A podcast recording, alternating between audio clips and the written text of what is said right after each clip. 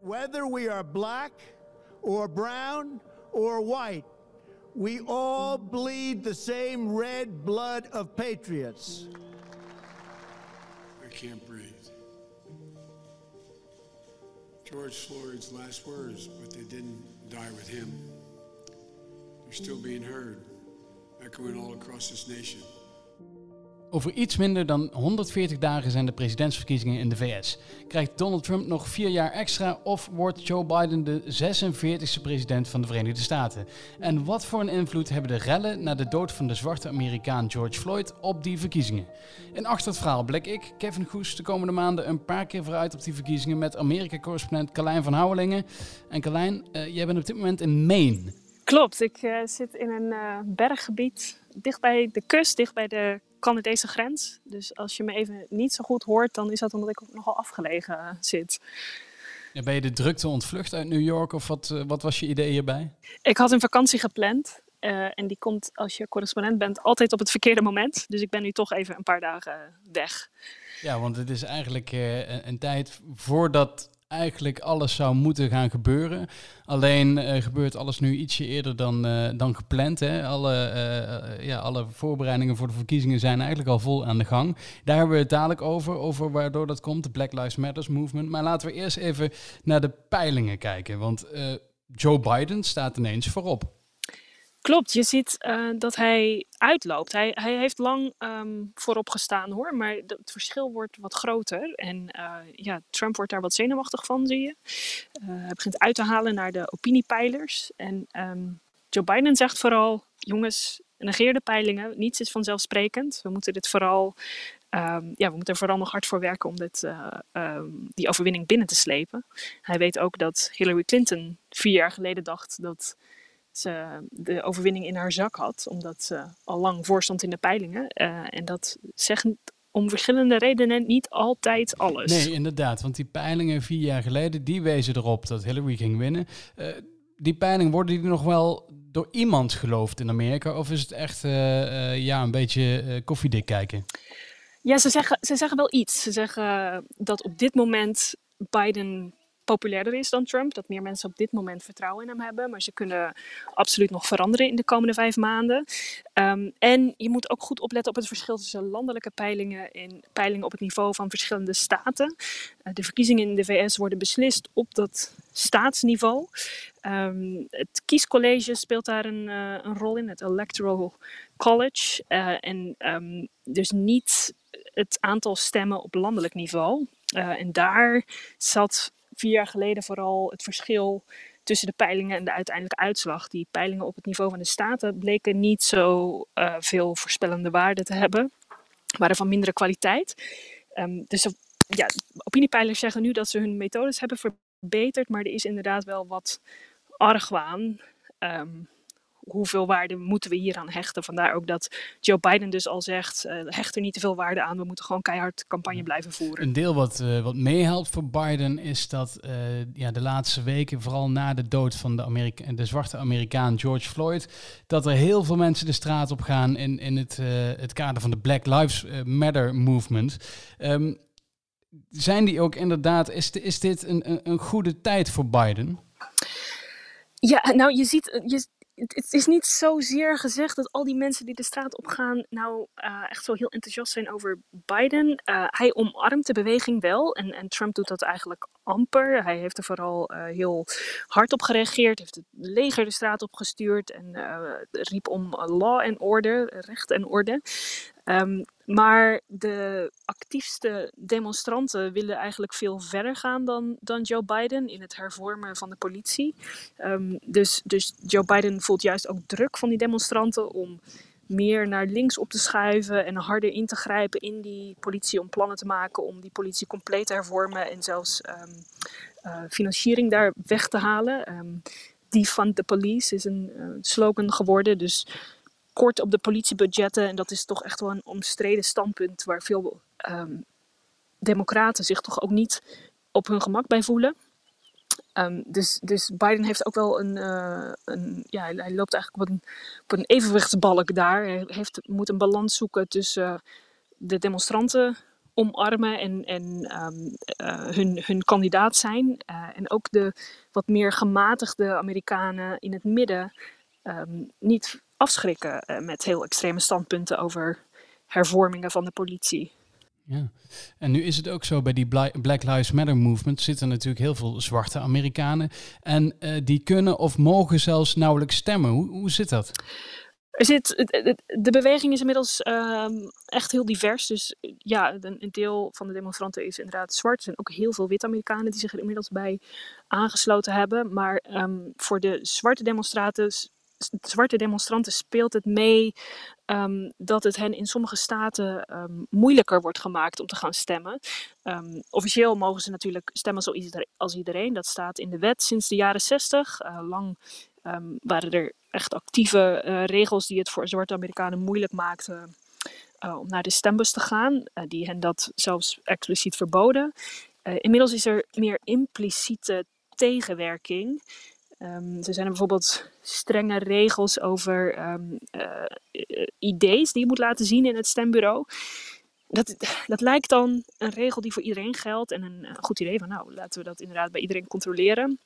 Maar in de praktijk pakt het zo uit dat vooral minderheden, dat zijn de mensen die in de VS niet altijd een idee hebben um, uh, en zo'n kaart ook niet altijd even makkelijk kunnen krijgen, Um, het leidt ertoe dat zij vooral uh, ontmoedigd worden om, om te gaan stemmen. En, en um, ja, veel experts die um, dat thema volgen, uh, denken dat dat een heel bewuste keuze is van vooral republikeinse staten.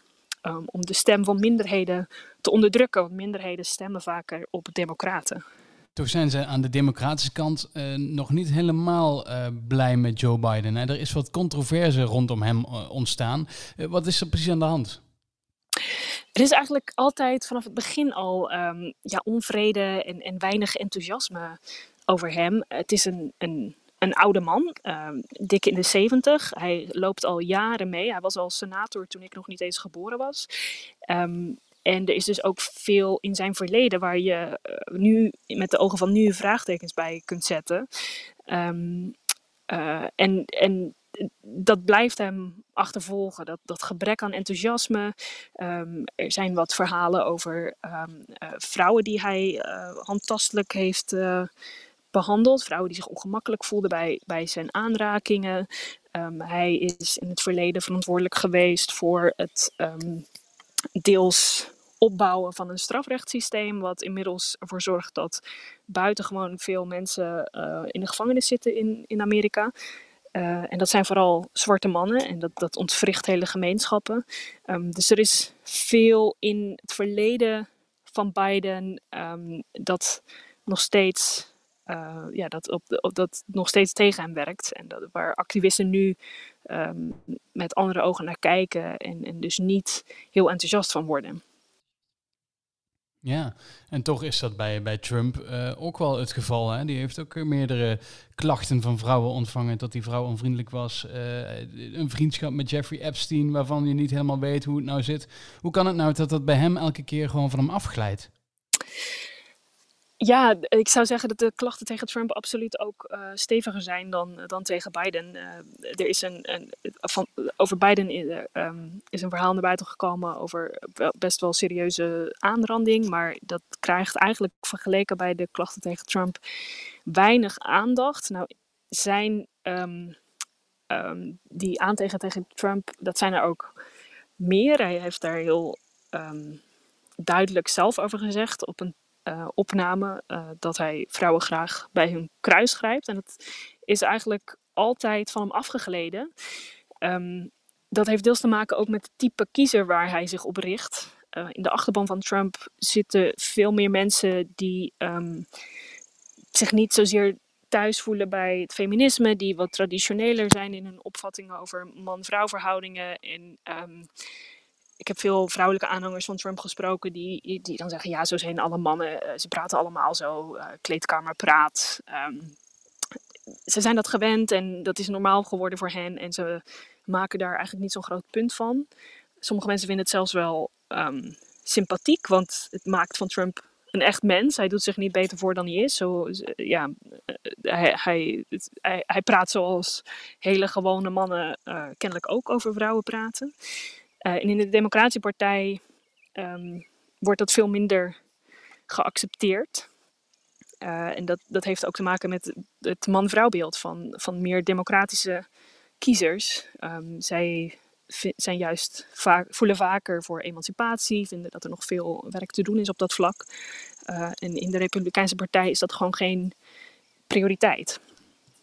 En nu is het nog ongeveer 140 dagen tot die verkiezingen ja, de, de kandidatuur van Joe Biden is eigenlijk alles behalve uh, nu helemaal eh, in, in steen gezet, hè, om het maar in het mooie Nederlands te zeggen.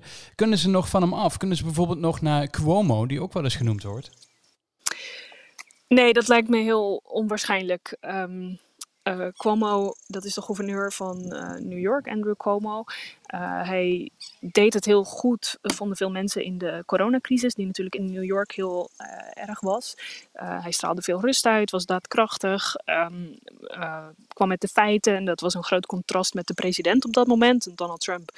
Uh, wuifde de ernst van de situatie weg en sprak op een gegeven moment zelfs over uh, bleek dat je zou kunnen gebruiken om het virus tegen te gaan. Um, maar dat, dat is geen, geen realistisch scenario. Joe Biden is de kandidaat. Het gaat nu vooral over wie zijn vicepresidentskandidaat wordt. Uh, en dat kan ook wel veel invloed hebben op uh, hoe zijn kandidatuur gezien wordt, hoe, hoeveel mensen daar enthousiast van worden. Um, hij heeft beloofd een vrouw te kiezen. Uh, en zeker nu um, de Black Lives Matter beweging zo sterk is, is de roep om een zwarte vrouw te kiezen ook uh, uh, vrij stevig. Veel mensen vinden dat het tijd is om iemand te kiezen uit de zwarte gemeenschap. zeker de vrouwelijke zwarte gemeenschap, dat is de, de kern van de achterban van de Democraten. Dat zijn heel loyale democratische kiezers die ook Joe Biden aan zijn kandidatuur geholpen hebben in de voorverkiezingen. Um, dus er is een aanzienlijke groep democraten die vindt dat het nu tijd is om hen uh, nou, min of meer daarvoor te belonen en ook uh, goed te vertegenwoordigen in dat presidentschap. En wie moet dat dan worden? Er worden een aantal namen genoemd. Uh, Kamala Harris is bijvoorbeeld een, een veelgenoemde naam. Zij is een, een, zwarte senator die aanvankelijk ook zelf probeerde president te worden. Dat is niet gelukt, maar ze heeft zich achter Joe Biden geschaard. Uh, is voormalig aanklager in Californië, had daar een hoge baan bij justitie, dus kent ook dat strafrechtssysteem wat nu zo um, in de belangstelling staat goed. Um, uh, er zijn nog een aantal uh, andere namen, maar die zijn niet allemaal even ervaren. Een aantal congresleden. Um, eh, een aantal uh, mensen die wat meer uit de lokale politiek komen. Eh, de burgemeester van Atlanta bijvoorbeeld wordt nu genoemd, omdat zij ook opviel in haar reactie op de Black Lives Matter beweging. Um, maar dat gaat nog een paar weken duren voordat we daar meer over weten. Nou, spreken we elkaar tegen die tijd sowieso weer. Uh, dit was de vijftigste aflevering van Achter het Verhaal. Alle vorige afleveringen kun je terugvinden op Spotify, Apple Podcasts of een andere podcast-app waar je je gratis kunt abonneren op deze podcast. Carlijn, jou spreek ik dus snel weer en een prettige vakantie. Dankjewel.